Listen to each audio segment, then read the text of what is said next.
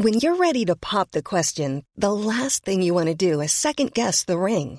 At Bluenile.com, you can design a one of a kind ring with the ease and convenience of shopping online. Choose your diamond and setting. When you find the one, you'll get it delivered right to your door. Go to Bluenile.com and use promo code LISTEN to get $50 off your purchase of $500 or more. That's code LISTEN at Bluenile.com for $50 off your purchase.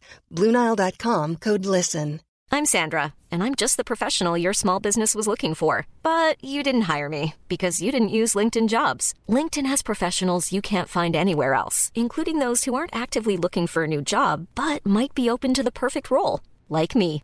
In a given month, over 70% of LinkedIn users don't visit other leading job sites. So if you're not looking on LinkedIn, you'll miss out on great candidates like Sandra. Start hiring professionals like a professional. Post your free job on linkedin.com/people today. Ryan Reynolds here from Mint Mobile. With the price of just about everything going up during inflation, we thought we'd bring our prices down. So to help us, we brought in a reverse auctioneer, which is apparently a thing. Mint Mobile unlimited premium wireless. Ready to get 30, 30, bit to get 30, bit to get 20, 20, 20, bit to get 20, 20, bit to get 15, 15, 15, 15 just 15 bucks a month. So, Give it a try at mintmobile.com slash switch. $45 upfront for three months plus taxes and fees. Promo rate for new customers for limited time. Unlimited more than 40 gigabytes per month. Slows. Full terms at mintmobile.com. Hei, folkens. Mitt navn er Bengt Are Barstad, og for et par år siden så sa jeg opp jobben og dro på tur for å være ute i minst 1000 dager. Når man er så mye ute som det jeg er, så får man gleden av å oppleve årstidene og skifte mellom årstidene. Jeg syns det er fantastisk når vinteren går over til vår, sola begynner å varme og naturen våkner naturlig til liv igjen. På vårvinteren så bruker jeg gjerne tunnelteltet Trollheimen fra Barents Outdoor. Og det er ganske fantastisk den første gangen jeg finner en tørr bladflekk og kjenner gleden av å kunne ha mose og lyng i ytterteltet i stedet for snø, faktisk. Og da passer det også fint at hele endeveggen på teltet kan åpnes, sånn at jeg kan bruke teltet som en slags gapahuk og nyte sola og våren og fuglene og ja, høre rypa skratte i blåtimen. Samtidig så er det viktig å huske på at de første bærflekkene gjerne er blant de mest vindutsagte punktene faktisk når man er i fjellet. Men da er det ekstra godt å vite at teltene fra Barents står godt også i hard vind, og at det er gode forsterkninger på Barduna bardunfester. Alt det her det kan du lese mer om på barentsoutdoor.no.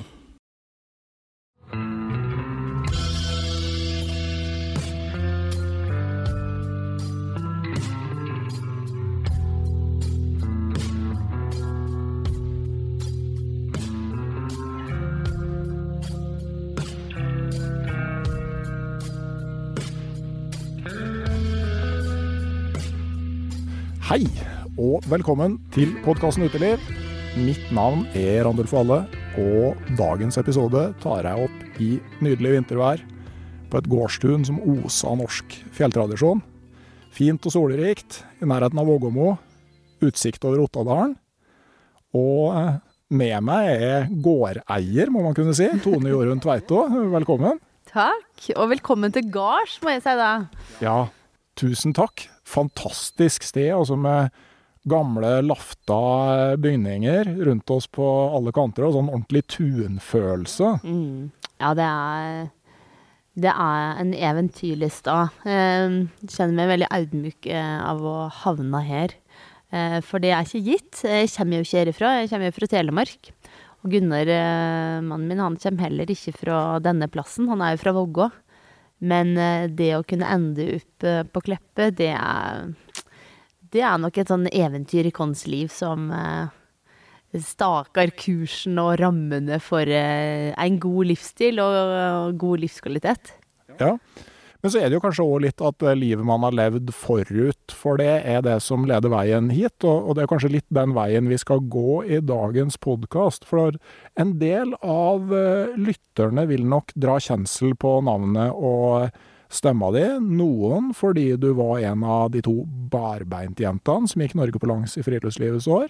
Andre vil kanskje kjenne deg mer fra musikk, spesielt folkemusikk, og fra prosjektet ditt Huldra og eg, som mer er sånn multimedialt. Mm.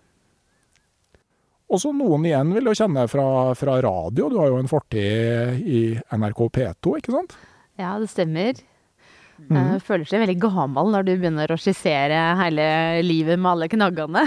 men, men egentlig så kjenner jeg meg veldig ung. Men det å, det å gange litt sånn baklengs um, og se, og se tilbake på det en har gjort, og som er med på å forme livet i dag, det er ganske interessant. Eh, ser du det med barbentjentene, så, så var vi to jenter som hadde lyst til å gange Norge på langs, og, og det å eh, være på tur i lang tid, eh, det er veldig spennende. Og én ting er å ha base, men noe annet er å faktisk være om det vokser. Og det å gange såpass mange mil, så gjorde det at, at du får en tur og en logistikk samtidig med naturopplevelsen som blir eh, helt unik. Mm. Så da var vi ambassadører for eh, Friluftslivets år eh, i Ja. 2005. Mm. Uh, men uh, det var jo sammen med venninna di Ingrid Wadder at du var ute og gikk. Mm. Uh. det stemmer. Ja. Men, men dok, det begynte liksom ikke med at dere fikk spørsmål om dere kunne være ambassadører for Friluftslivets år? Nei da, det gjorde ikke det. Med både Ingrid og jeg hadde gjenge friluftsliv sammen. Eh, og, og Altså var studert mye friluftsliv? På, mm, I Bø. Mm.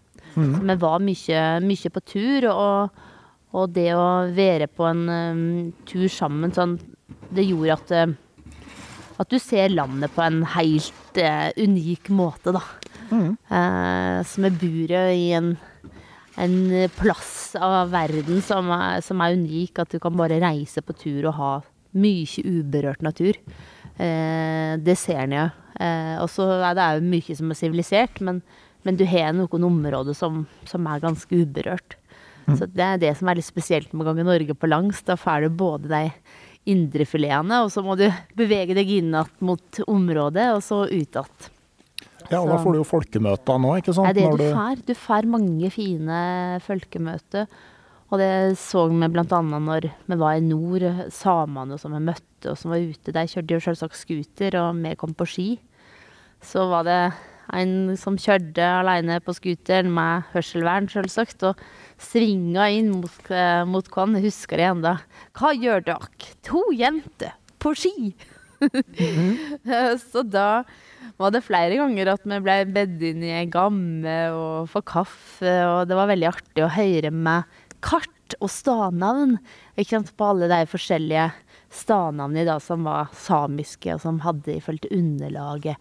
Her ser du et fjell som er Her er det runde steiner, her er det en nibbe, her er det en spiss, ikke sant. Så da hørte vi i den samiske tradisjonen, samme som vi er ved her med hø og nebb og tind og så videre, da. Som, eh, som kanopadler så lærer du veldig fort eh, gorsi, f.eks., som da er foss. Ja, ikke sant? Da veit du hvor droppet er. Ja, så det, det, det er jo interessant. Men, men da, dere, da dere begynte å tenke på å gå Norge på langs, altså hva var det dere så for dere da? Nei, det var nok mest eh, å se for seg det å være lenge på tur. Eh, og er du glad i friluftsliv er du glad i tur, så er, er det å være på tur i lengre tid en veldig stor motivasjon, da. Eh, og det å mm, være en del av, av på en måte rytmen i, i naturen, og, og det å Du er jo litt i din egen buble når du er, når du er på tur i lengre tid. Eh, og den eh, bubla er veldig Den er suggererende, på en måte. Den syns jeg er veldig lokkende da, å gange inn i. Eh, blant annet jeg kryssa Grønland, og det, da er du på tur nesten en måned. Eh, og det å jo være bare med sno og himmel og de selvsagt ekstreme naturkreftene, da, det, det, er, det er noe som blir veldig spesielt. Men eh, å krysse Grønland må jo være vesensforskjellig fra å gå ø, Norge på langs? Ja, det er mye mindre variasjon, selvsagt. Eh, men turen i seg sjøl var ca. 60 mil, og, og Norge er jo 250, eller 2500 km ca. Litt avhengig av hvilken løype du velger. Så det er klart en helt annen logistikk å gange Norge på langs kontra Grønland. Men eh, Grønland er det jo ingen forsyninger, så der har du med deg alt. Og det blir en pakking som, eh, som du skal dra med alt i visen, selvsagt. Og du er jo veldig Du er veldig overlatt til naturkreftene. Og man ser jo det, eh, sånn som vi gjorde, så gikk vi òg fra vest til øst. Og, Og, og det å gange i mai da gjør at du eh, Ja, du er pleasa vinden og rakken og sånn, så det er, det er mye som kan skje på Grønland òg. Ja. Ja, jeg tenker, men eh, er det sånn Grønland mer sånn at du forsvinner inn i ei boble og blir der hele turen, mens altså, Norge på langs blir jo kortere etapper med stadig sånn sivilisasjonsavbrudd, for å kalle det det. Ja. Det lengste nesten kan gange Norge på langs, er sånn 10-14 dager. Da Finnmarksvidda og, og, den delen der eh, får du lenge. Og så har du flere strekk her, men eh, så er det Det er ikke så lett ha så lange etapper. Eh, du møter mer eh, folk, selvsagt. Så det blir mer Det blir både natur og kultur, da, i Norge. Mens mm. Grønland er mye natur, og så er det veldig spennende kultur som, som møter det både kanskje i starten og slutten, når du kommer inn i disse jaktsamfunnet, da. Mm. Du kommer ikke så glad med det når du kommer inn på østkysten, og det blir møtt av, av lokalbefolkningen, og det er et isbjørnskinn på veggen eh, som er spent opp, og det blir veldig eh, Ja, du er litt på eventyr, at du er i en annen tid og en annen stad. Mm. Så det er mm. klart at de lever veldig isolert, men det er jo, er jo mange baksider av den medaljen, da. Det er utrolig mye forskjellig i det samfunnet. I tillegg til jakt- og fangstsamfunn, så er det jo både alkohol og rus og vold og incest. Det er mange ting som òg er i den livsstilen, som ikke er like fint. Mm. Ja. Eh, men, eh, men, sånn eh, du og, du og Ingrid Wadder, som gikk Norge på langs sammen, var det et helt år dere var ute? Et halvt år. Halvt år, ja. Mm. Mm.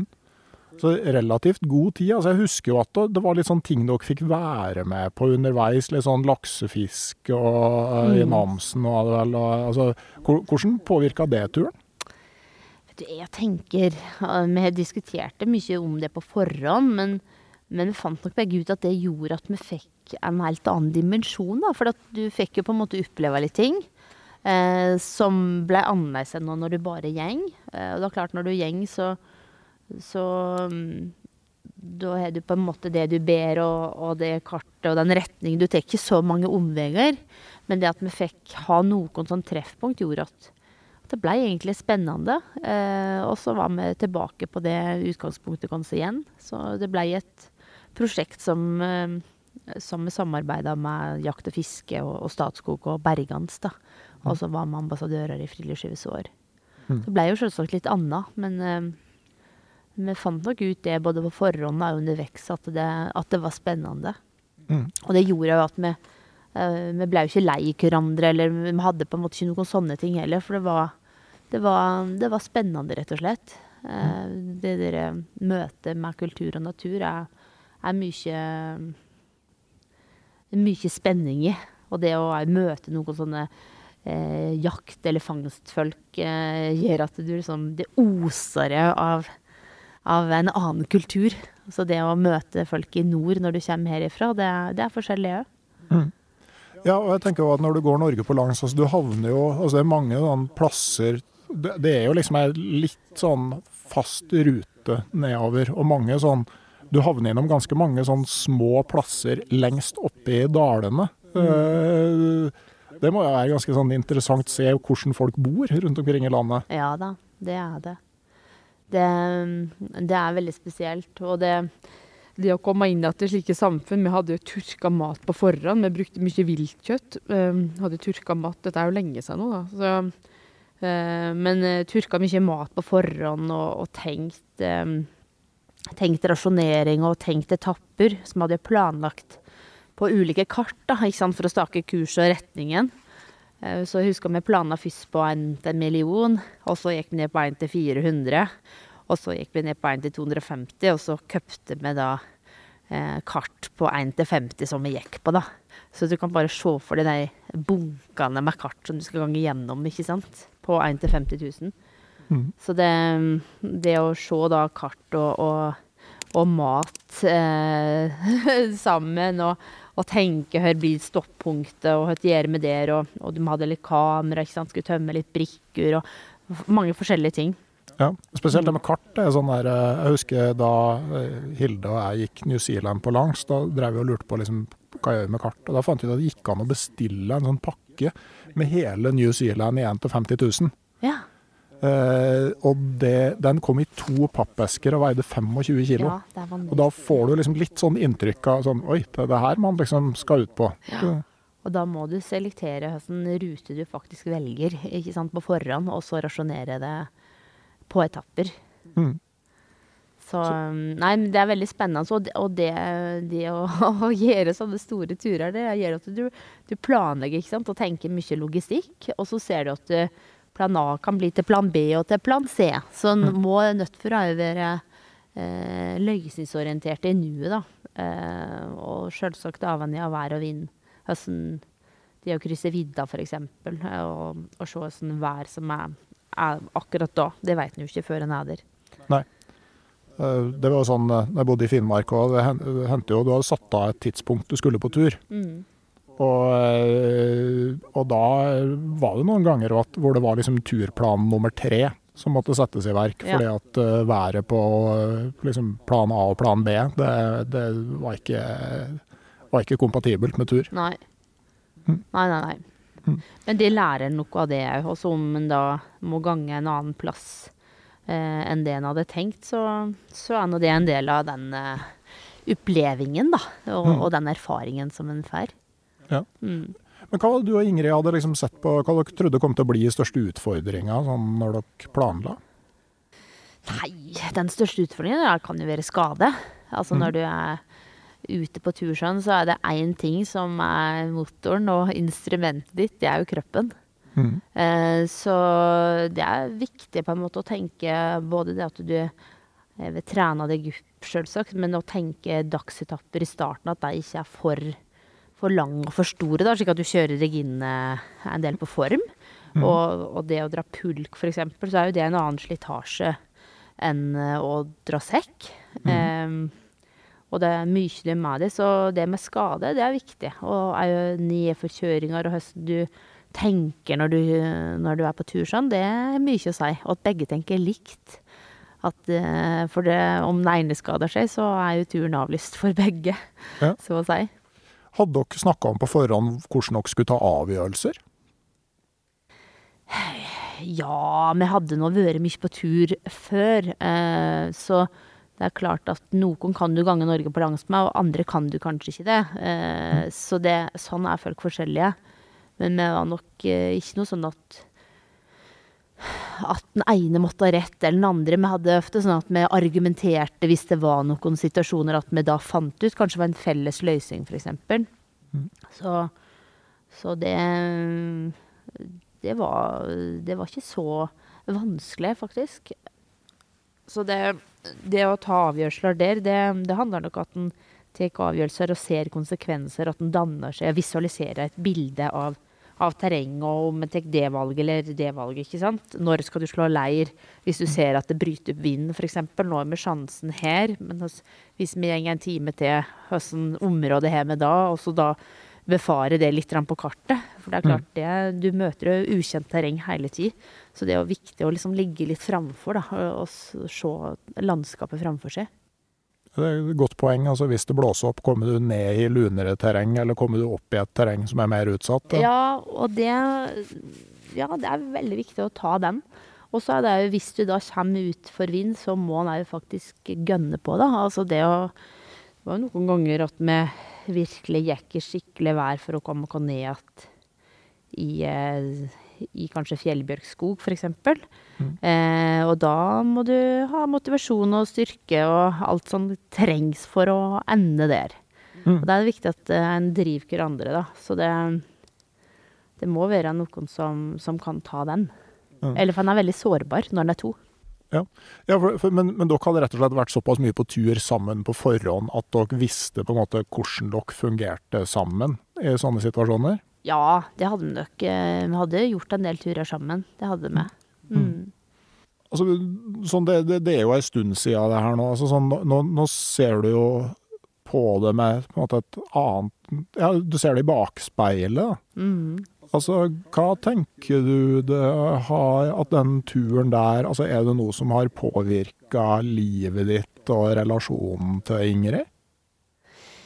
Ja, eh, både til Ingrid, selvsagt. Hun var jo forloveren i bryllupet mitt òg, for eksempel. Eh, men eh, selvsagt i relasjon med henne, men òg selvsagt den personen jeg er eh, sjav. Altså det å ha en sånn tur i ryggmargen, det gjør at du, du blir vant til å ta valg, da. Eh, og så må du stande for valg du tar. Eh, så du Det er en møgningsprosess. Så jeg, jeg tror at du vokser mye på det, både med refleksjonen og òg den du er, og du blir kjent med deg sjøl på på en ganske grundig måte eh, når du er sånn.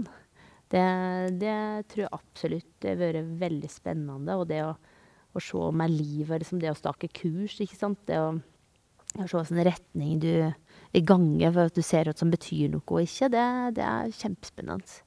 Mm. Og sånn er jo det jeg kanskje har livt litt etter, det med natur. Altså den eh, natur som lekegrind. Altså den den gjør noe med deg som menneske som, eh, som ikke så mye annet klarer å konkurrere med. Altså, jeg er veldig glad i kunsten og musikken og det sceniske og, og alt det der, men, eh, men naturen er så uforutsigbar, ikke sant. Den er så Du veit aldri helt hva som venter deg, og, og både på godt og vondt. Eh, og det det gjør at du liksom stadig blir overraska. Det er spenning, og det, det, er mange ting som gjør at det ikke blir kjedelig, da. Mm. Men jeg tenker også sånn der, når du setter i gang et sånt stort prosjekt som det med Norge på langs og barbeint i friluftslivets år, altså det fikk jo mange aspekter ved seg. altså Har det gjort noe med liksom øh, altså sånn øh, Gir det en sånn slags trygghet og et mot for å realisere andre ting? Altså gå sin egen vei etterpå? Ja, det kan godt hende. Altså, det er jo ikke så lett å forske på seg sjøl, for så vidt. Men uh, om jeg hadde hatt en betydning eller ikke, det veit en jo aldri helt. Men jeg ser nok at det er en ballast som som har vært veldig fin å ha med seg. Jeg ser jo det at, at på valget som jeg tar seinere, så, så har jeg jo egentlig vært litt modig. Mm. Eh, og det motet og, og, det å ha den der indre roen, da, eller den tryggleiken til å, til å faktisk liksom selektere noe, og så satse, eh, satse på det, det, det, er, det, tror jeg ligger kanskje i meg som person òg. Men jeg tror i hvert fall sånne ting er med på å bidra, da. Det er jo noe at vi er, vi er jo et produkt av alle erfaringer vi møter gjennom livet. Sånn er det jo helt fra oppveksten. Ja, Det er så klart altså, om det ligger i det, altså det der å, å ta sats og, og, og, og, satse på ting. altså For hver gang man lykkes med det, så vil jo et sånt karaktertrekk sannsynligvis òg bli forsterka. Ja. Det, og det ser en jo, ikke sant. Du er i barneoppdragelse, du òg. Det ser en jo på unger, de som mestrer noe, ikke sant. Så er jo det en sånn trekant mellom motivasjon, mestring og, og tryggleik. Altså mm. den trikanten der, den er utrolig spennende. Altså når skal du når skal du ha indre motivasjon eller ytre motivasjon for å mestre noe? Altså når du da har mestra det, så bygger du opp ny motivasjon og er jo ny tryggleik. Så den der evige runddansen der er, er jo veldig spennende, egentlig. Uh, uansett alder. Ja. Nei, og det er klart det der det at du må ha et altså sånn at Du skal ikke ta for store steg. altså Du skal alltid ha den mestringskomponenten. Sjøl om du måtte mm. går ut av komfortsonen, så må du ikke lenger ut enn at du har en viss grad av mestring òg, da. Mm. Ja da. Det er subjektiv og objektiv risiko. Det er mange moment. Mm. Ja. Men var det, var det der det, Altså, du har jo studert friluftsliv, ikke sant? Mm. Og, og seinere så har du jo studert pedagogikk. Eh, altså, er det noe du på en måte har vært bevisst på da, eller er det noe du sånn ser tilbake på og ser det i lys av det du har lært etterpå? Eh, når, når, jeg gikk værstudiet friluftsliv, så hadde vi faktisk mye pedagogikk. Det, det var i Bø. Eh, og der var det mm, mye sånn eh, spennende i forhold til det med motivasjon og mestring og trygghet. Og det ser nok at det var et grunnlag den gangen i forhold til det å tolke dynamikk i en gruppe eller ulike personer. Eh, og det er nok tenkt ganske mye på gjennom livet. Å se tilbake på din egen oppvekst, f.eks., eller, eller andre. Um, Men jeg er på en måte den friluftsliven og naturvitenskapen, så den eh, siste pedagogikken jeg har gjort nå, det er didaktikk i matte og naturfag. Mm. Så da tenkte jeg ja, det er klart jeg har med meg de andre. Eh, men, eh, men det er klart du ser, eh, du ser perspektivet og refleksjonen fra, fra ting du har oppdaga underveis. Da. Det er jo en grunn til at jeg ikke glemte det. Jeg vil forstå det, og jeg liker eh, den tankegangen. Mm. Mm. Men sånn etter, eh, etter Norge på langs, så var du ei stund ansatt i Norges Jeger- og Fiskerforbund. Fikk dra rundt og holde foredrag. Ja. Ja, det var veldig spennende. Det, da arbeidet jeg som konsulent der og arbeidet med formidling, så jeg hadde laga multimedieforedrag som handla om det å inspirere og formidle jakt og fiske, og friluftsliv. Så mm, jeg fikk faktisk eh, reise rundt og ha over 100 sånne multimedieforedrag eh, rundt i landet. Og òg være med og veilede i noen sammenhenger. At du både hadde foredrag og kanskje et veiledningsdøgn, da. Eh, da samarbeida med lokale jakt- og fiskeforeninger, eller det kunne være folkeskoler eller eh, andre. Det var faktisk både høgskole, folkeskole og videregående som, som for på, i tillegg til lokal jakt og fiske. Så det var et veldig spennende år. Sjølsagt et år som jeg eh, arbeidet vanvittig mye og reiste veldig mye au. Så det var, det var et krevjende år, hvis en ser tilbake på det. Men det var helt rett eh, til sin tid. Akkurat riktig tidspunkt. Da. Ja, det tror jeg, for da syns jeg det var så spennende. Og at jeg hadde den Norge på langs-bakgrunnen min, og at jeg hadde jakterfaringen min, og, og det med fiske. Og, og så se det at fiske f.eks. er en veldig fin måte å drive fangst på i natur. Det er en veldig lavterskel, men du kan jo utvikle det på mange nivå, da. Mens jakt så krever det Det er en mye større mm, inngangs... eh, Jeg vil si at det er en eh, større terskel for å komme inn til å bli en jeger, eller jegerinne. Eh, og det ser jeg nå med Når du er ved Ungarshowet, så, så ser jeg at det at vi driver jakt, det er jo for at vi har gjort det mange ganger og har erfaring med det, da er det lett å ta med seg unger og se at de kan være med på, og det vi ikke vil at de skal være med på, ikke sant. Vi kan selektere det. Eh, Så da er de veldig avhengig av hvem som er foreldre for at de gjør det. Men skal du inspirere unge, så, så tror jeg så tror jeg det med både fiske og friluftsliv og, og òg kan dra den videre inn mot det å kanskje bli en jeger, og det å høste av, av natur, da. Og så syns jeg det er veldig viktig å ha med seg det perspektivet at det er mange At det er, det er mange verdier rundt det å høste av natur. Eh, og faktisk eh, å se at det er en balanse mellom det at det er en sport eh, gjør det, og det å høste. Men det er jo et, en, en høsting av et naturgrunnlag, og, og å se at det her er en faktisk en stor dimensjon, ikke bare for deg sjøl, men òg for, for hele Norges eh, natur, slik som vi har det. Med en utrolig eh, sunn viltstamme, som er ganske unik i verden. Men etter det her, da, så, så går du inn i noe som blir et sånt ganske stort personlig prosjekt. Altså da Det er omtrent her at du starter med, med huldra og egg. Kan du forklare litt uh, hva det prosjektet, hvor kom det fra, og hva, hva er det? Ja, etter jeg hadde faret rundt med multimedieforedrag, så, så arbeidet jeg to år i um, NRK, i P2, som musikkjournalist og, og programleder.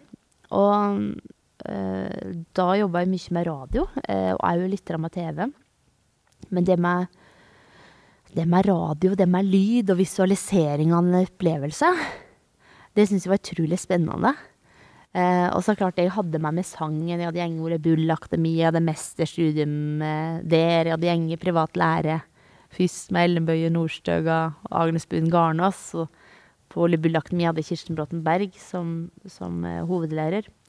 Så, så denne musikken har på en måte fykt meg gjennom hele tida. Men jeg så nok det med Når jeg kom i NRK, så, så merka jeg nok at jeg fikk veldig mange Jeg fikk nok veldig mange sånne eh, opple lydopplevelser som ga meg mange visualiseringer. Så jeg, eh, der, det var en litt annen verden. Jeg hadde jobba mye med foto og tekst, men det med lyd var noe annet. Og så valgte jeg etter å ha vært i NRK da i de, den perioden å tenke at eh, kanskje jeg skal bare rett og slett gjøre det jeg aller, aller mest lyst til. Og det blei Huldra E, da. Mhm. Så da, da valgte jeg å, å, å kjøre på, på for fullt og tenke Huldra jeg med formidlingen, liksom med natur, musikk og formidling. Og være på heiet, som jeg hadde aller mest lyst til da. Eh, overgang ut av jakt, inn igjen og skrive, ut igjen og jakte, ta med kamera. Altså, det var mange dager du kanskje ikke så dyr, men jeg hadde utrolig mange sånn spennende opplevelser i, i forskjellige perspektiver, mikro og makro ute òg, ikke sant. Med temperaturen og døgn. Så jeg så Det ble liksom en annen verden, for at jeg plutselig hadde tid til å, å bruke tid på det. da, Litt sånn kunstrommet mitt. Mm. Ja, for når du på heia, altså du bodde på det som i hvert fall vinterstid var en veiløs, gammel gård? Ja, det, ja, det er vei på sommeren, da. Eh, men på vinteren er det litt begge deler. Eh, da må man brøyte, så ja, det er jo ikke det så mye. Så det er jo ikke strøm eller vann eller noe der.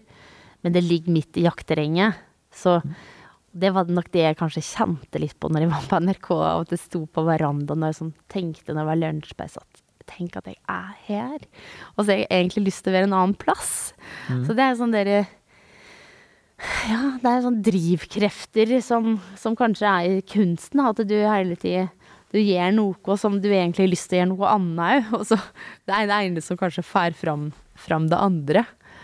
Eh, så hvis jeg bare hadde tenkt at jeg hadde vært hjemme i Telemark, så hadde jeg sikkert villet reist ut i verden, ikke sant. Men nå hadde jeg jo reist mye og studert i Australia. Jeg hadde, jeg hadde jo gjort mange ting under vekser i utdanningen min som gjorde at da hadde jeg lyst tilbake til heia, og det merker jeg nok. Jeg ser jeg jeg har fortsatt veldig mye på harddiskene mine som, som jeg skal bruke fremdeles, og jeg ser at eh, det som hendte sånn estetisk og sånn kunstnerisk, liksom både med foto og video og, og ting jeg har skrevet og, og komponert, da, så, så var nok det på en måte en sånn glansperiode som jeg virkelig oppdaga noe i natur.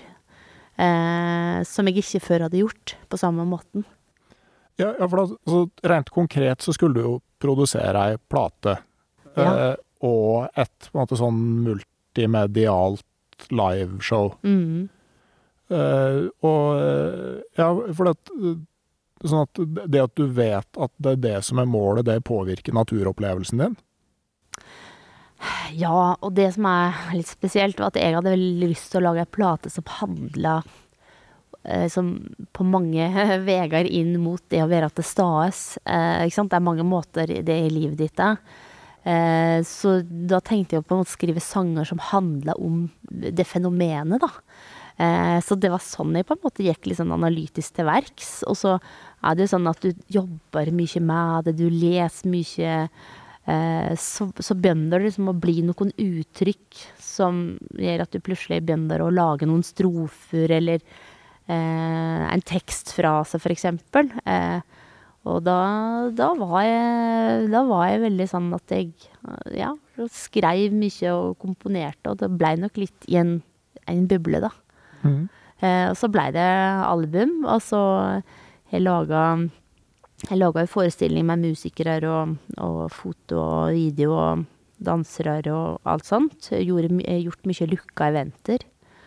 Eh, og jeg har nå fortsatt veldig lyst til å gjøre det sånn jeg hadde aller mest lyst til å gjøre det offentlig og scener, men, men den terskelen med det jeg hadde lyst til å få til, det, det er et ganske stort eh, prosjekt sånn eh, eh, kommersielt, da. Eh, og, så det er en veldig stor satsing. Men jeg har fremdeles eh, lyst til å, å få til det. Om det kan hende det blir et annet musikkmateriale òg, men, men jeg har mye rundt det som, som jeg har vist en del folk nå, som, som jeg har veldig tru på eh, kan, eh, kan ta det enda lenger.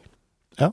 Men når du, når du skriver, altså er det tekst eller melodi som kommer først? Er det noe, er det noe sånn fast mønster for deg?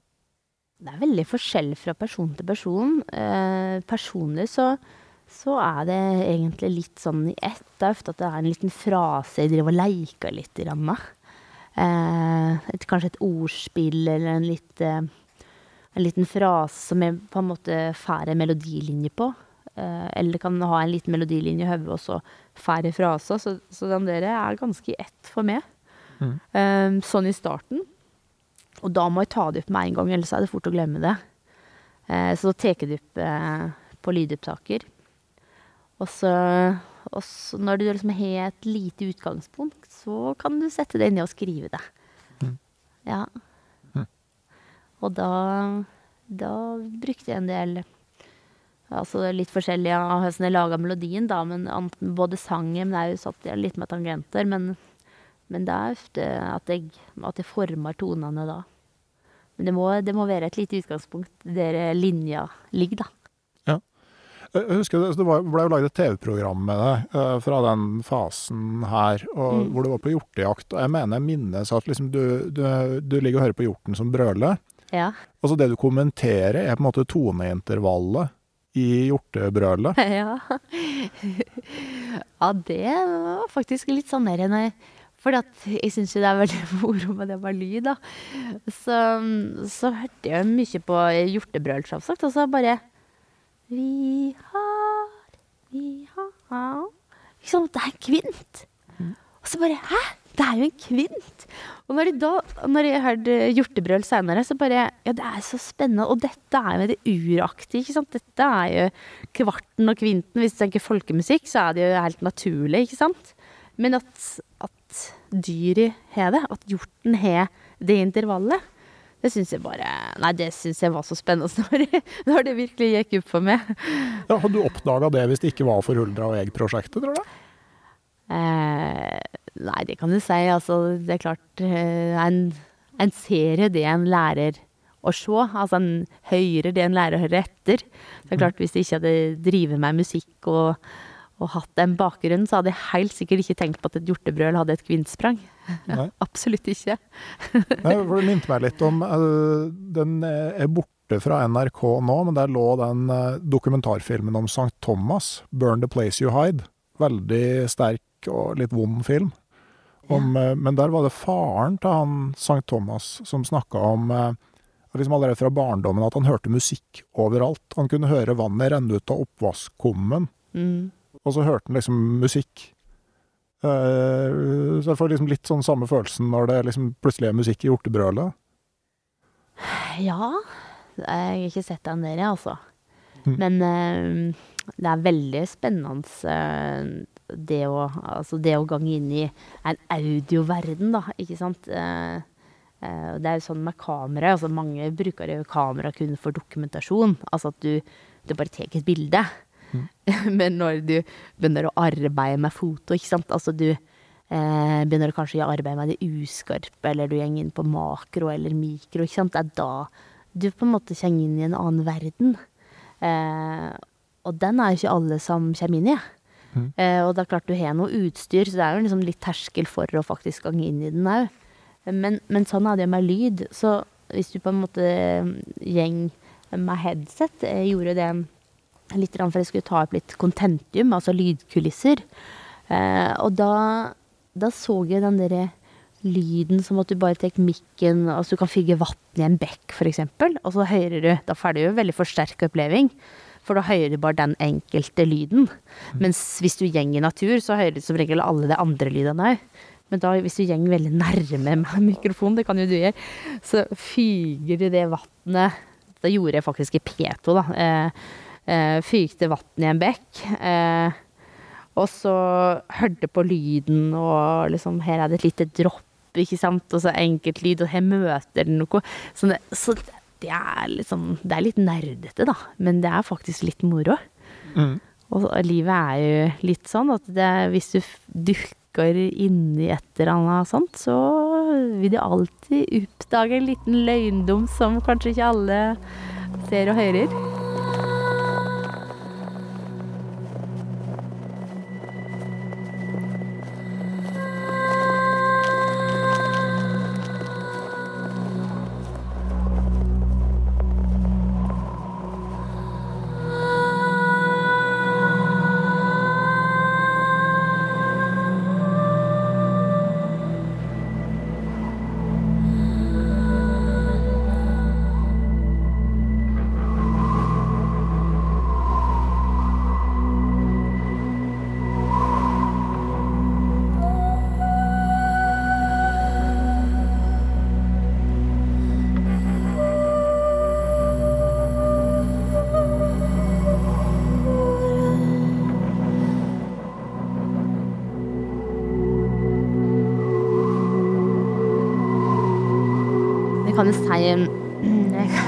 Jeg er det litt med det med det vanlige livet. Altså, nå, nå er vi her innramma på et tun, da. Og jeg, jeg falt jo så for den plassen her. Som jeg legde, Gunnar og jeg legde fra 2013. Eh, og så det hadde jeg da tatt valget å komme til Vågå, ikke sant. Men det å komme på en sånn plass som det her, det gjorde nok at det Vågå-livet, det fikk en som en helt perfekt dimensjon. Eh, for det er sånn som jeg liker det, ikke sant. Jeg liker det er uberørt. Jeg liker at det ikke er en vei rundt med støy. Jeg liker at jeg kan være på en sted uten at noen ser meg, eller at jeg må se noen. Da er jeg liksom litt i min boble, kan være. Og sånn var det på Heia hjemme, da. Der var det på Du er litt sånn i en oase. Um, og, det, og da tenkte du telefonen på lydløs, og da er det så irriterende hvis noe sånn Hvis du hører eller gjør et eller annet, så har du ikke lyst til å bli forstyrra. Det syns jeg er så fint når du har sånne eh, lommer, da, eh, der du virkelig som kan være kreativ. Mm. Og det, det, ser jeg jo på seteren som heter Kleppe. Den, er, den ligger så uberørt. Og det er ikke strøm og ikke vann, men bare en utrolig flott utsikt og, og, sol, og det ligger så fint i terrenget. Det er en sånn plass som jeg merker nå at jeg Det er en slik plass jeg lander. Der kan jeg på en måte skape ting. Og det mm. kan jeg her Og det å finne sånne star, det, det, det er veldig Ja, det vet jeg. Det er utrolig verdifullt. Mm. Og sånn en, en gård som det her, altså i en sidedal til Gudbrandsdalen. Og det, det, er jo et gammelt sted. altså Det er gamle tømmerbygninger. altså sånn, Den historien som ligger her, altså er det noe som påvirker det? Ja, det er klart at når jeg var her og hørte at uh, Jo Gjende er født uh, i den uh, i den støga kjøkkenet som jeg bor i nå, det syns jeg var veldig spesielt. Ja, og når jeg var liten, og så var det bestefar på Haugå altså, Jeg heter da Tarjei Gjøron, heter jeg da. Uh, dette skjønner ikke du, men søstrene mine heter da Hege, som da er farmor, og Anne, som er mormor. Og så fikk de en unge til, som de sikkert tenkte var en gutt, altså de spara bestefarene Tarjei og Gjøron sine navn. Men det ble jo ikke en gutt, det ble meg, og da ble det Tone Jorunn. Ah. og, og bestefar på Hago, han var veldig sånn, glad i jakt og skyting. Så han fortalte veldig mye om Jo Gjende, og han fortalte om bjønneskytterne. Og når jeg var der, altså jeg var der mye, jeg gikk jo aldri i barnehagen. Så jeg var jo med mamma der gjennom en gang i vika, og så var vi kanskje der hele familien en gang søndag, eksempel. Det var veldig mye med bestemor og bestefar. Og da hadde vi sånn eh, skar på møne på fjoset, som vi sikta på, da, som eh, i lufta bare. Så jeg var på en måte så oppvokst med dette her med jakt og skyting, altså. Så det, disse der figurene de hadde jeg hørt så mye om. Så var måte, det, det var veldig fascinerende av det. Jeg var selvsagt veldig glad i eventyr, så jeg var nok veldig glad i den verden. Så det var utrolig spesielt å høre at han var født her. Mm. Da ble det litt sånn eh, Ja, kanskje, kanskje, det er jeg som faktisk skal være her. Så det, det ble litt sånn slutt og sirkel. Ja, det er tøft. For det, jeg, jeg, gjorde jo et intervju med deg da jeg jobba i bladet Friluftsliv for elleve år siden. Mm. Uh, og du, da snakka, sa du at du, du var ja, siste, siste, siste, ungen i familien. Nok ei jente, men kanskje oppdratt som den gutten som aldri kom? ja. Nei, da tror jeg var voksen som jente, altså. Men uh, ja, jeg, jeg, ser jo det at det er en som er glad i jakt av country. og og jeg har nok vært, jeg ser mange bilder sånn fra hytta sånn, så kunne jeg være ute og grave snohøle for eksempel på kvelden med lykt og Så jeg var nok litt mm. litt eh, prega av det. Jeg leika nok naboguttene, ikke sant, da jeg var på samme alder, så, så det var nok mange rundt som var gutter, men jeg leika selvsagt mye med jenter, så var begge deler. Mm. Men det å ha en fot i jenteverden og en gutteverden, at du var ute og sykla og kjørte snowracer og hoppa på ski og liksom gjorde litt sånne ting, det, det var jeg veldig glad i. Og så en annen ting du snakka på, at altså, sånn, når dere var i skogen da du var liten, så liksom, foreldrene dine viste deg stubbene som sto i skogen, og det her er liksom Det her er stolen til tussene. Ja, det er og, mamma. Ja. Hun er veldig glad i det. Og, og den derre fantasiverden hun Og det er klart, mamma hun er nå, mamma 84. så, og pappa 85, så, så en ser det at de har levd i en annen tid. Eh, mamma og deg hadde til og med naturalhusholdningen, ikke sant. Jeg var på Støylen. Altså, det, det livet de hadde, det var mye fantasi, det var mye eventyr. Skumringstimen, altså fra når det var for mørkt til å arbeide, men enda ikke mørkt nok til at du Ja. kunne ta deg råd til å tenne oljelampa? Ja, eller det Nei, altså, det var ikke så Det er ikke så eh, gale, men de hadde jo alt eh, Det er klart de hadde det i starten, men, men de fikk jo strøm og alt sånn. Og hvis du tenker sånn, Det hadde jo komfyr på 50-tallet, så det var jo ikke at de levde så lenge i den. Men de hadde samtidig veldig sånn sterke tradisjoner med det å lage mat, bruke hele dyret, slaktingen hjemme, bruke alle råvarene, da. Og så var det jo selvsagt på Støylen, så det er klart at de har nok hatt mange sånn, som mamma sa, mange fine epoker i Støga der de hadde høyt lesing, og da var det ofte eventyr. Eh, så deres bidrag var nok gjennom det, da. Hadde ikke noe radio, det hadde ikke noe TV, det var en fantasiverden som de fikk gjennom de ordene og de fortellingene de hørte. Mm. Er det noe du har tatt videre? Altså, du har jo to unger nå. Er det noe du liksom tar videre til dem, eller? Ja, jeg tror nok det. Altså, det er det som er jeg, Altså, jeg er jo en realfag. Jeg er veldig glad i matematikk og fysikk, kjemi, biologi og sånn, og det er jo eh, det objektive gitte, ikke sant. Positivismen. Eh, det er jo det observerbare. Og det syns jeg av og til er litt kjedelig, for at jeg tror at det er jo mye annet enn bare det. Men så er jeg en realist samtidig. Men jeg syns jo sånn som ungene Altså, det er helt så godt av å lære at Ja, det er litt sånn magisk, da. At det er noe annet. Altså sånn her, for eksempel, med buret bak deg nå. Så i desember så kommer kleppenissen og flyter inn i det buret. Og da er vi av og til ute på andre sida for å se spør etter nissen, for han er som regel på Blåhø, på det fjellet bak, helt som ligger hvitt ut mot himmelen der, Mm. med stor mass på. Og dette tror Ragnhild og Ola på at han faktisk kommer, kommer kjørende ned hit med kjelke eller ski, og så fer han inn, og så og så er det et eller annet som skjer med ljos og litt sånn, så desember er en veldig sånn fin tid her på tunet. Så det er mye bål, og vi kan eh, få se på det. Og det tenker at Ja, det med nisse, for eksempel, det er moro. Og jeg tenker at at eh, mange perspektiver med livet, og la deg nå få endelig ha den der fantasien at ikke alt kan forklares, og ikke alt er, er observerbart, men at det er noen dimensjoner da, som eh, er i mennesket. Det tror jeg er spennende. Mm. Jeg har også tenkt på sånn som besteforeldrene, altså farmor og farfaren min, var fra sånn bondemiljø på Vestlandet. og og det er jo eh, på den ene sida en temmelig sånn pietistisk kristendom, eh, og på den andre sida så er det veldig mye gammel overtro. Ja. En sånn veldig interessant eh, kombo. Altså Ja. sånn med ja, det å ikke begynne på noe i, i hunddagene eh, midt på sommeren, eksempel. Ja, at det var viktig, ja. Det er viktig å ikke gjøre det, og på, og på stigende og minkende måne og Mm. eh, Ja, det var liksom eh, veldig mye sånn gammel overtro som lå der. Skulle aldri, skulle aldri være stygg med skjæra, eksempel. Nei, nei da, det har jeg hørt. Du skal aldri skyte skjære med, med våpenet ditt. Da kommer du til å bomme senere. Så, Mm. Så det er slik jeg gjør ikke heller.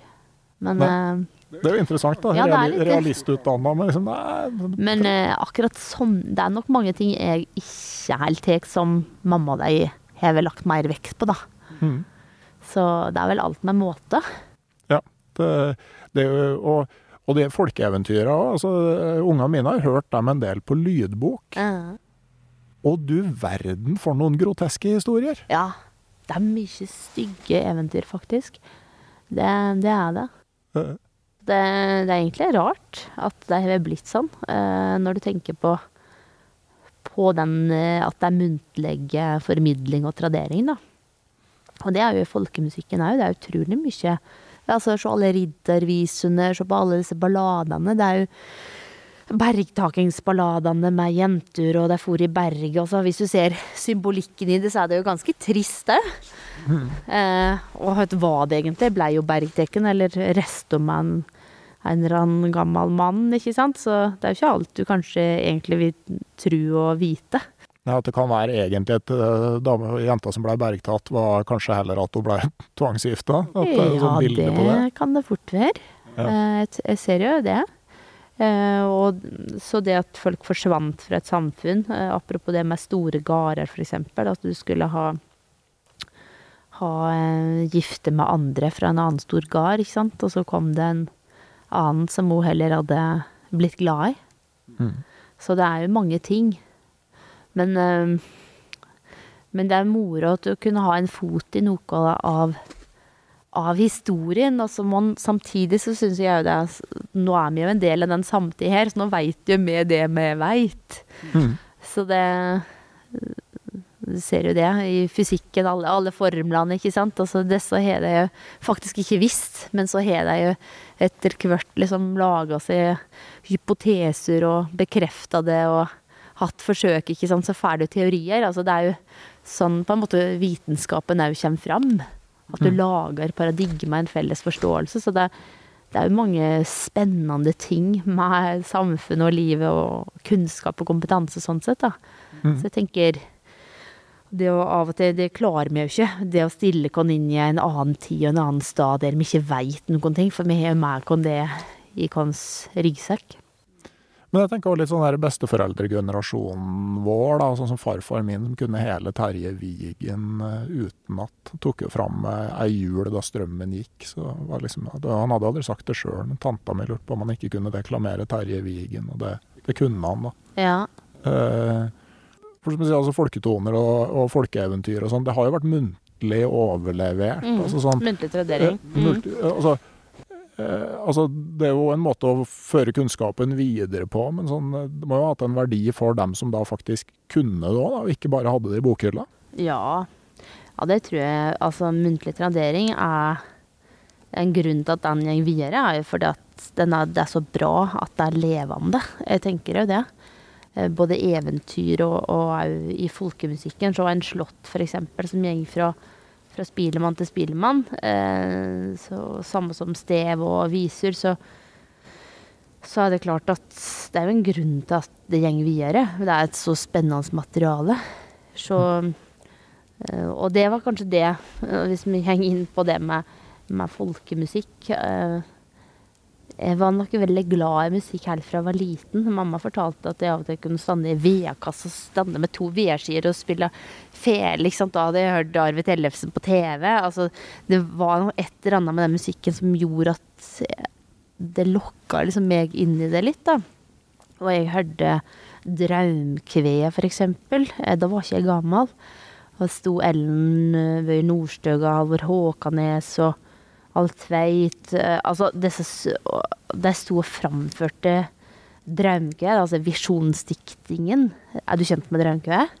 Ja, jeg har eh, vært borti det. Ja, ikke sant? så du vet jo at dette er vers på vers med ulike toner, så du har rundt 52 vers liksom på det meste, da. Så ja. de brukte Hadde sikkert kutta ned litt, da, men det var sånn i hvert fall i en time, de Kanskje en og en halv time. Det, det var lenge, da. Det var en konsert som var Draumkve fra start til slutt. Og jeg satt jo sånn fjetra i mamma sagt, liksom, og da var ikke jeg gammel. Nei, men Draumkvedet, nå må du arrestere meg. For det er jo greit å, det er jo ikke sikkert at alle de som hører på, vet hva det er. Er det han der som sovna og drømte dommedag? Eh, Olav Ostesson. Ja, Olav Ostesson som Eh. hadde sovet lenge. Mm. La seg ned om trettandagen.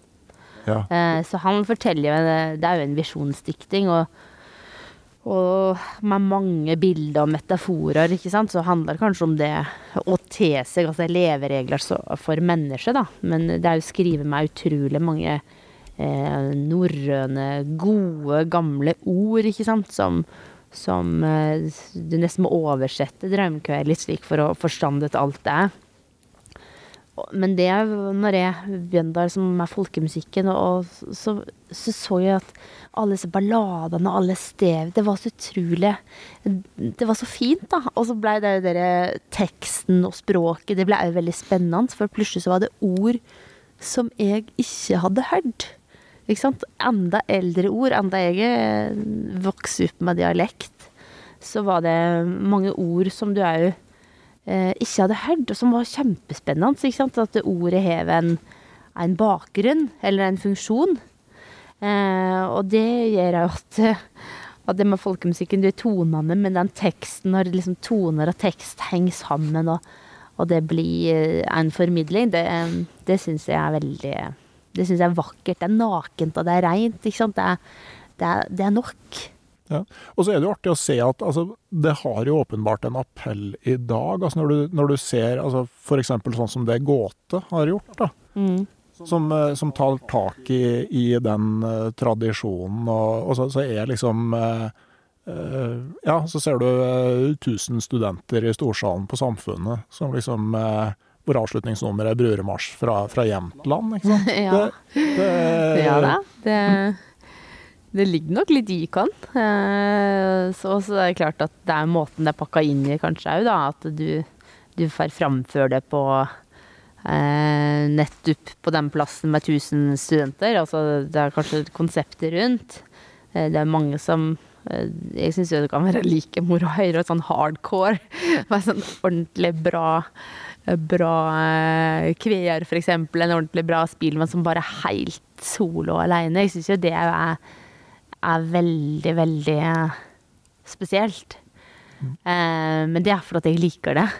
Altså, det er de som ikke kanskje blir så fascinert av det med en gang, de syns kanskje det er finere når det er litt innpakka. Så det, det, er mange, mange uttrykk, da. Så mm. folkemusikken syns jeg Nei, det, det er noe fint med det, og det er både norsk, men det er jo Samtidig så ser en jo at eh, folkemusikken har veldig mye internasjonalt med seg. Tonesprang, f.eks. i Kyløkken eller annet, så finner du at uh, i indisk sang, arabisk, altså bønner Det er mange sånne spennende ting som du hører disse tonesprang i, da. Og det er utrolig fascinerende, det med ulik stemmebruk.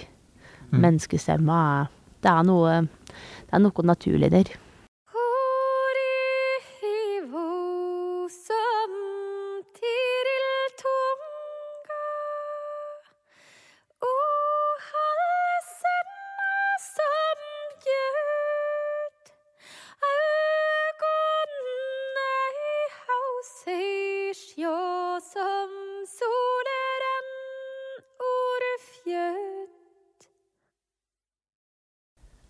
Natur, altså øh, Hva er natur? Uh, og hvordan påvirker det kan? I dagens samfunn så, så fjerner vi kanskje mer og mer fra natur. Men hvordan påvirker det det? Og, og det, det, tenker jeg av og til at um, det å ha et liv um, der du på en måte er nærme naturen og er en del av naturen, det, det har stor verdi i dag. Uh, og det ser en at i det informasjonssamfunnet lever i, da, så har så vanvittig mye stimuli som det bombarderer oss hele tida. Apropos sosiale medier, men så har du chatten, du har Messenger, du har alle disse tingene. Og så er du folk på et venterom, så sitter alle der med en telefon. Eh, så vi har på en måte alle muligheter til å finne ut av ting med den vesle dingsen. Men det gjør jo at hjerneutviklingen Det vil sikkert forskningen vise mer og mer på at dette her Vi har en påvirkning på oss som menneske. Og spesielt òg på unger og ungdom. Og det ser en jo at den der digitale hverdagen er, Det er mange muligheter der, men samtidig så, så er det kanskje noe som påvirker eh, både kropp og sinn i en retning som ikke helt veit. Men naturen, den der du, du, kan velge å være helt fri. Ikke sant? Du kan sanse det du har lyst. Det er ikke noe påtrengende. Og det, det ser jeg nok i dag, at den, den verdien av å ha roen, eller altså at du ikke har ljosforurensing, du har ikke lydforurensing, det gjør at folk søker eh, det eksistensielle. Og når du ser at folk øker Det øker eh, lysten på ekspedisjon, det, det øker lysten på lange turer. Og folk vil reise stadigere, ikke nett. Altså, det er da du skjønner at at vi har kommet i en tidsalder der vi ser at det eksistensielle, det er faktisk det som er, bæ det, er det bærekraftige i et menneske òg. At vi trenger ikke alt det andre. Hvis du skreller vekk alt, så, så sitter du igjen med en slik liten egenverdi. Og der er menneske og natur i ett. Det er en dialog som er stor nok og sterk nok i seg sjøl. Og det å oppdage det, det det tror jeg er kjempeviktig. Og det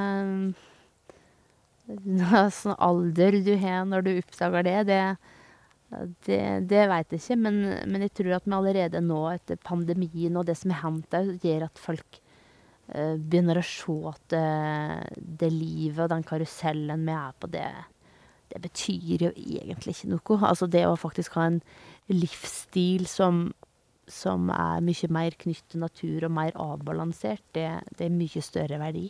Mm. Ikke bare for deg, men òg i en familie. Ja. Eh, men tenker du der, altså vår generasjon har jo sett det her komme. Altså vi har jo vært der mens det informasjonssamfunnet har på en måte blitt stadig mer altomfattende.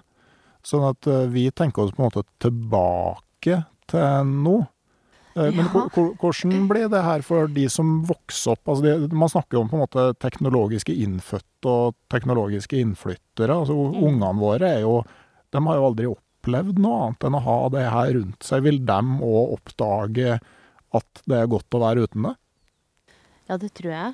Mm. Uh, men jeg det er jo vanskelig å si, ikke sant? For det, det, å, det å forutse framtid er ikke lett. En kan gjøre det med klimamodeller og modellering, men, men apropos det med, med mennesker, så er det ikke lett på sånne ting. For det er, det er jo introspesifikt.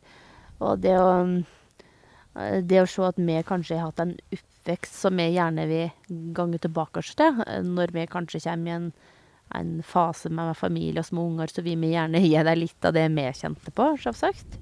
Det ser en jo i forskningen òg. Men, men, jeg tror at, at uh, vi som mennesker har nok noe i oss som, som, gjør at, at vi, må, vi, må, kjenne på disse naturlige tingene. Og, og, jeg ser jo det når vi snakker om bærekraftig utvikling og, og det å tenke en grønn framtid. så så, så, er det jo det vi har. Men vi har folk som er nære naturen. Det er der du på en måte ser eh, naturmangfoldet. Du er tett på, på, um, på det biologiske, og da, da ser du òg endringene mye lettere. Og, og, skal du på en måte tenke at du skal i, i, din hverdag på en måte ha en mer balanse i forhold til mat og, og kortreist mat, så klarer du å produsere mye mer eh, sjau òg. Liksom med nå, for eksempel, så har vi laga åker. Eh, og vi har ikke så stor åker, men vi har vel stor nok til vår husholdning. Mm. Så har vi jordeple og med grønnsaker, eh, både med gulrot og lauk og eh, urter og forskjellige ting, og salat som vi har hele sommeren. Og det at ungene er med på det, det er jo kjempemoro for både deg og oss. Og da ser en at det er moro å produsere noe som, som du kan ete, da. Mm. Um, og det tenker at at det å lage seg noen sånne gode rammer, det, det tror jeg øker dimensjonen av det å live. Mm. Men det er jo interessant, ikke sant. Altså du du, du starter på en måte sånn turinteressene veldig utoverretta. Du, du reiser besøke uh, ja, Grønland, sikkert Canada, mm. uh, rundt omkring og se verden. Og så nå, etter hvert, så, så, tar du det på en måte sånn helt ned til det å produsere din egen mat rett utafor døra. Ja, og det, og det er sånn som Jeg var nok veldig der etter videregående da jeg var student og jeg studerte i Australia. Jeg var backpacker, reiste Singapore, Malaysia, Thailand. Altså, jeg har liksom gjort disse her tingene som, som har vært veldig moro å kunne ta del av. Og som jeg nå ser at, at kanskje ikke er det en skal gjøre for å tenke bærekraftig og, og, og reise så mye. Men samtidig så, så har det gjort at det færer med meg veldig mange ulike forståinger av andre sine liv òg, da. Mm. Eh, og da søker du litt det unike på, på, de ulike plassene.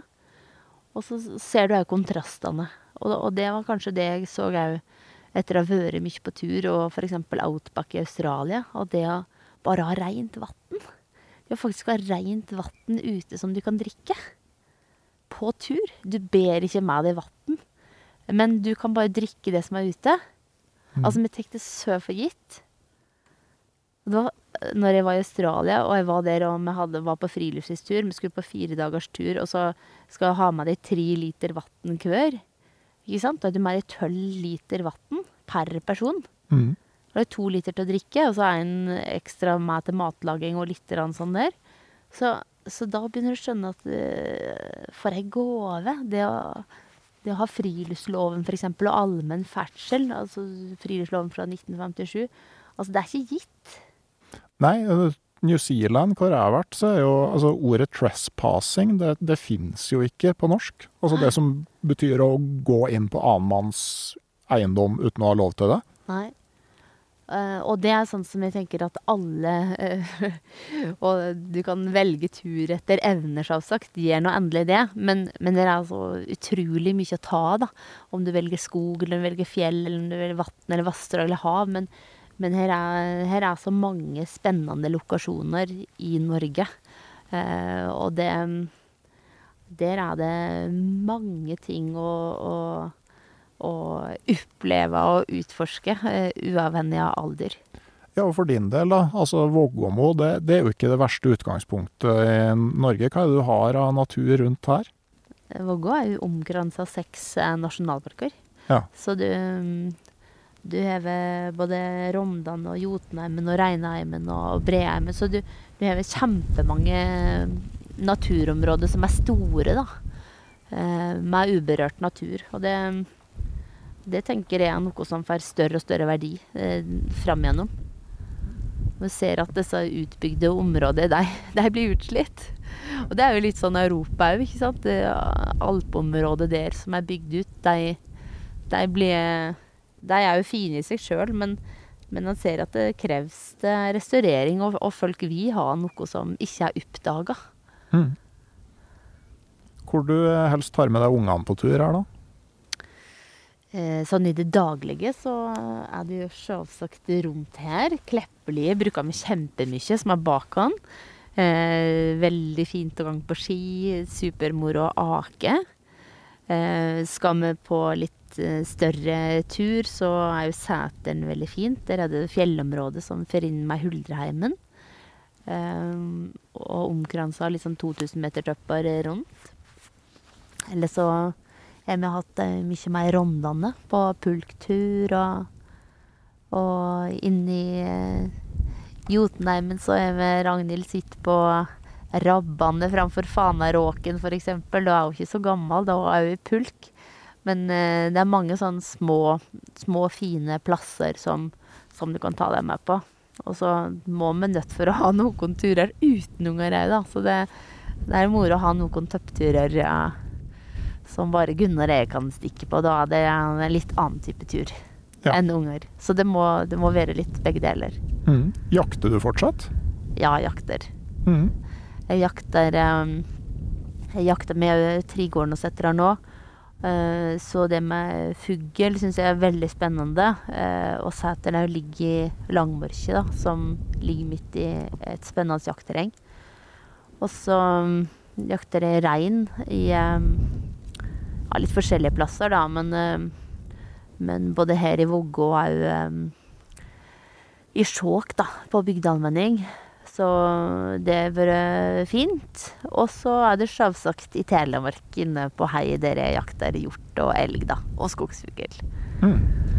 Nok Så- å fylle høsten med? Ja, og um, det er klart at jeg har vært veldig heldig som har hatt de rammene rundt, som gjør at du har det nærme, eh, og at du har for eksempel det å ha seter i jaktområder, slik som Gunnar er, så har vi faktisk kunnet jakta fordi vi har vært i litt sånn småbarnsfase. Mm. Og på hei hjemme når det er hjort og elgjakt, så er ungene med på, på hei, da. Og da er bestemor og bestefar med òg, så Ragnhild var bare to måneder første gang hun var med på jakt. Mm. Og da, da var jeg ute og jakta, og hun var hun, med hun med bestemor. Og det var en veldig sånn rar følelse, for at jeg hadde tenkt mye på det hvordan det var å, å på en måte bli mor, og om jeg kunne gjøre alle disse tingene etterpå. Jeg tenkte litt på det.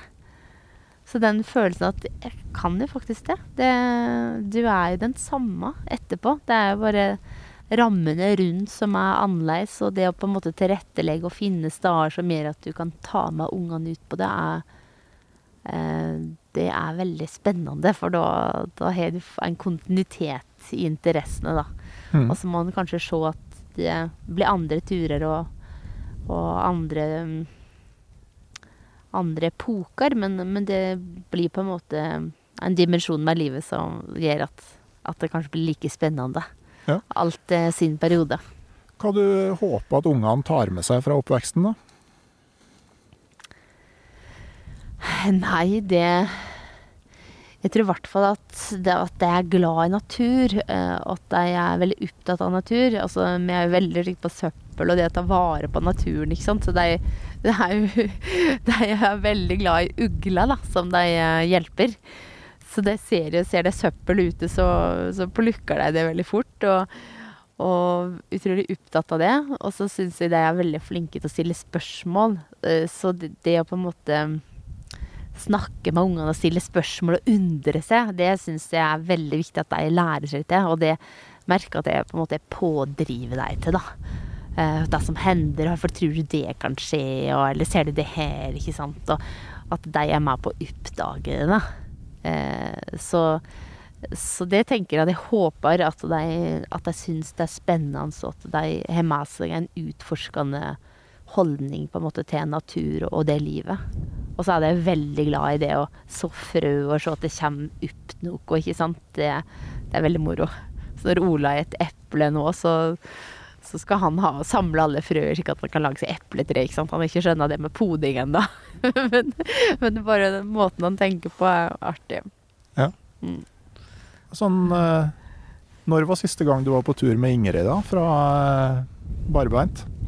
Eh, ja, det er ca. et år siden. Ja, så bra. Ikke Det er jo eh, Men ikke sånn langtur. Det var mer sånn jakttur Ja, ja. med hunder. Mm.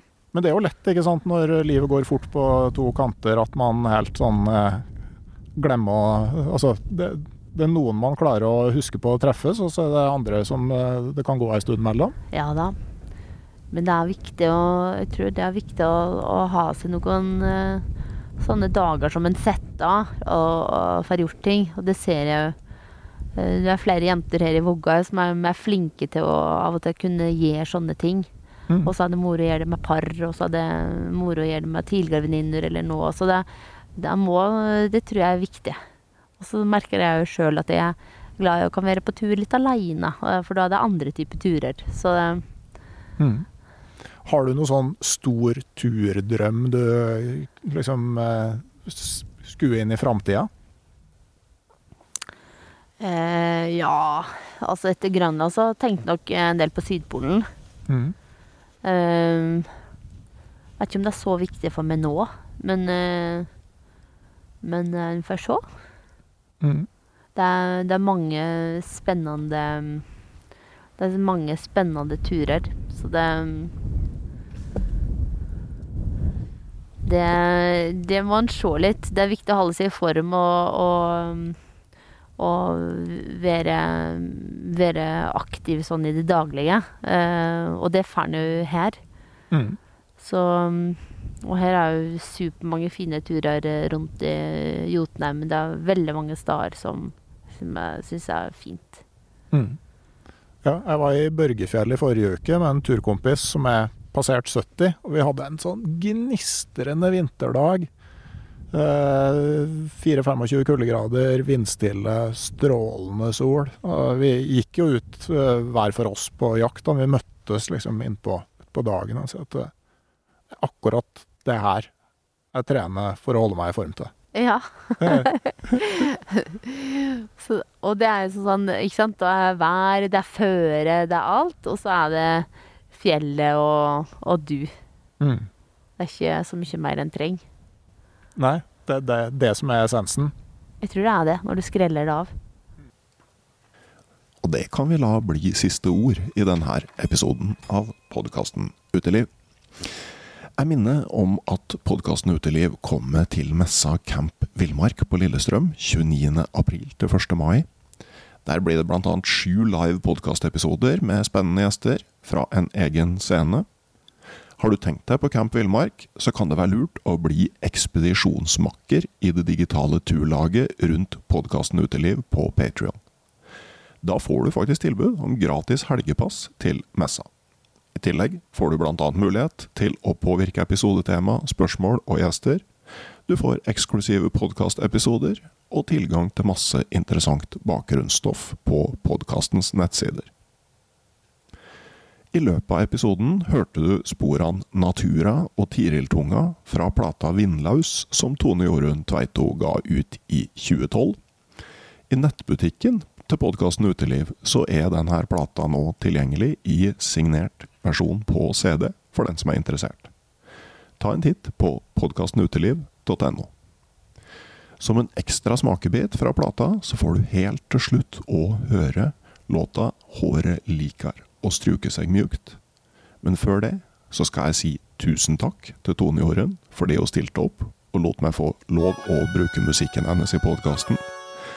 Jeg skal nevne at om ei uke så kommer det en helt ny episode av podkasten Uteliv. Og helt til slutt så skal jeg si ha det bra.